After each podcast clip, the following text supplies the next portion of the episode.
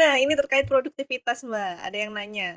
Mmm, jadi gini, aku kadang kan sud udah niat banget nih pengen produktif, lah tiba-tiba ada distraksi sama yang lain, terus mau balik fokus udah nggak niat lagi, ujung-ujungnya lari ke handphone. Mungkin Mbak Ben ada doa atau pencerahan gimana sih untuk ngembaliin semangat belajar lagi biar nggak menunda pekerjaan yang sebenarnya udah nunggu buat dikerjain? Oke, ini problem kita semua ya, aku juga sama kok. Sama. Aku juga ini harus dengerin bener-bener nih, buat memotivasi diriku sendiri juga. Iya, jadi distraksi ya, distraksi hari ini itu emang luar biasa banget, gitu kan. Karena apa sih, kalau menurutku distraksi yang paling sumber utamanya tuh adalah memang dari ini nih, dari handphone sih. Karena kita tuh mau apa pun one stop entertainment itu bisa kita akses dari gadget kita gitu kan. Jadi tiba-tiba kedistraksi gitu kan, lagi misalnya nih buka laptop gitu atau kemudian buka ya mau judulnya sih mau cari referensi gitu, tapi ujung-ujungnya loh kok malah ngelihat yang lain, loh kok jadi yang lain, loh loh loh loh loh loh gitu. Loh kok keterusan, loh kok nggak selesai-selesai gitu kan. Nah, jadi ini yang paling penting itu sebenarnya adalah kita set timing, eee, set alarm atau set waktulah gitu.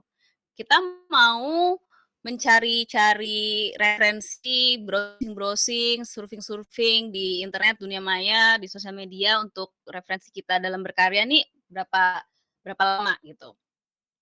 Berapa lama nih yang kita butuhkan untuk atau misalnya kalau misalnya bukan karya bukan karya desain, tapi yang misalnya lebih kayak tugas gitu ya, tugas sekolah, apa tugas paper, kuliah gitu segala macam, kan juga sering kan nyari-nyari referensi di, eee, Google gitu kan. Nah, itu kita harus sendiri yang kemudian set set limitnya gitu. Kita mau berapa lama nih. Kalau sudah waktunya timer-nya berbunyi, artinya kita harus pindah. Udah nggak boleh lagi dilanjutin, tutup Google-nya, mulai ngerjain, gitu. Supaya apa? Supaya ya itu tadi nggak kedistraksi. Karena memang berat ya kalau misalnya udah udah masuk tuh, udah nyaman tuh surfing-surfing dan apa, browsing-browsing di dunia maya, karena ada aja muncul ya kan. Kalau kita buka satu, rekomendasi yang lain jadi banyak gitu kan. Kalau misalnya kita yang nggak nge-cut itu dari kita sendiri, ya kita pasti akan kebawa. Lagi kan memang algoritma sosial media apalagi ya, hari ini tuh kan didesain untuk membuat kita jadi semakin hanyut gitu, jadi semakin tenggelam gitu. Makanya kita harus harus sadar gitu, berenang kembali ke pulau gitu kan, gitu. Jadi kalau untuk kembali fokus, itu tadi dari awal memang kita eee, kita kita atur waktunya. Oke, aku mau cari-cari di internet misalnya 30 menit.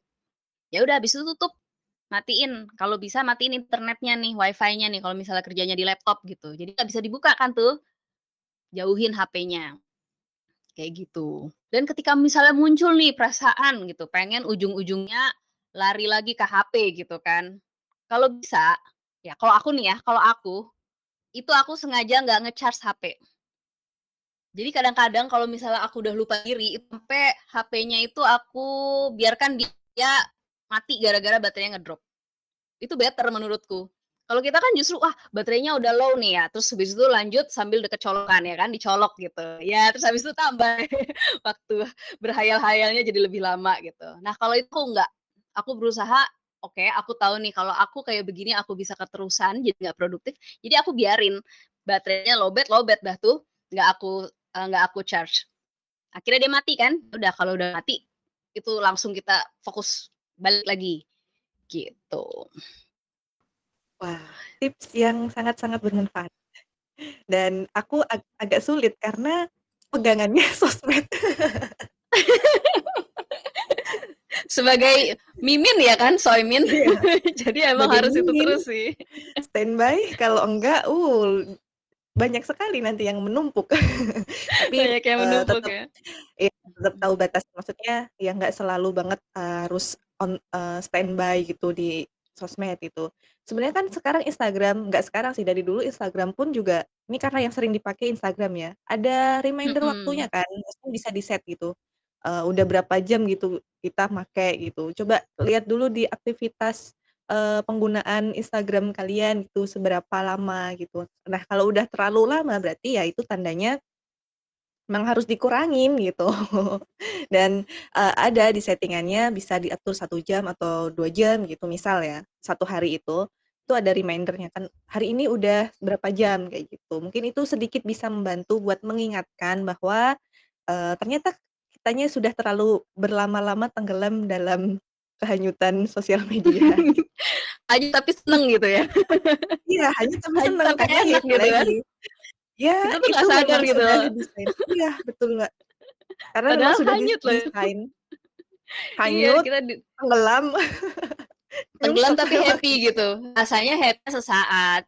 Karena Iya, pas kalau udah sadar nih, "Astagfirullahaladzim, misalnya 3 jam gue habisin cuma buat scrolling doang, nggak jadi tugas Iya. apa-apa, nggak jadi kerjaan apa-apa," gitu. Itu kan baru stres belakangan kan. Nah itu Iya, makanya jangan pas sampai udah sadar eh, seperti itu. pas udah selesai baru sadar ya, Mbak, biasanya kayak gitu sih. Pas lagi, eee, scrolling-scrolling sih mah enak-enak aja, nyaman, "Wah seru nih," makin ke bawah makin bawah kok makin seru gitu, "Ah, entar lagi ah ah, bentar lagi ah," jadinya ya begitulah. Dan pas udah lihat jam, "Lah aku jadi nggak ngapa-ngapain," gitu, baru sadar di situ. Itu namanya jebakan, "Ah, entar lagi ah." Itu tuh jebakan tuh emang Jebakan apa, Mbak? kata-kata itu. Jebakan, "Ah, entar lagi deh, ah, bentar lagi deh, Ah, iya betul. entar 5 Iya menit lagi deh," gitu. Iya, itu yang berat sih sebenarnya, penyakit Kalau aku ya, misalnya kayak gitu-gitu ya, itu tuh mungkin kita bisa minta bantuan orang lain ya, untuk kemudian mengingatkan juga. Misalnya nih kayak kita bilang, okelah kita mau menghanyutkan diri sesaat gitu, tapi kita baka batas waktu gitu kan 5 menit gitu. Misalnya ke orang tua kita, ke mama kita, atau ke siapa yang kalau bisa cari yang paling cerewet gitu. Bilangin, "Ma, 5 menit lagi ya, aku, eee, diingetin buat langsung ngerjain," gitu. Kalau aku sih sebagai mama-mama tuh seneng gitu ngingetin anakku. Anakku selalu kayak gitu juga kadang-kadang, "Aduh masih capek, aduh mau leha-leha dulu, aduh mau apa," "Oke boleh, tapi sampai jam berapa? Jarum panjang di angka berapa?" "Oke, jarum panjang di angka 8," kata anakku. Ya udah, jarum panjang di angka 8 tuh aku bener-bener gitu, "Ayo sesuai janjinya ya, katanya tadi jarum panjang di angka 8 udah mau mulai lanjutin lagi iniannya, tugasnya. Ayo." Dan sebagai mama kan memang itu ya tugasnya untuk mencereweti anak ya.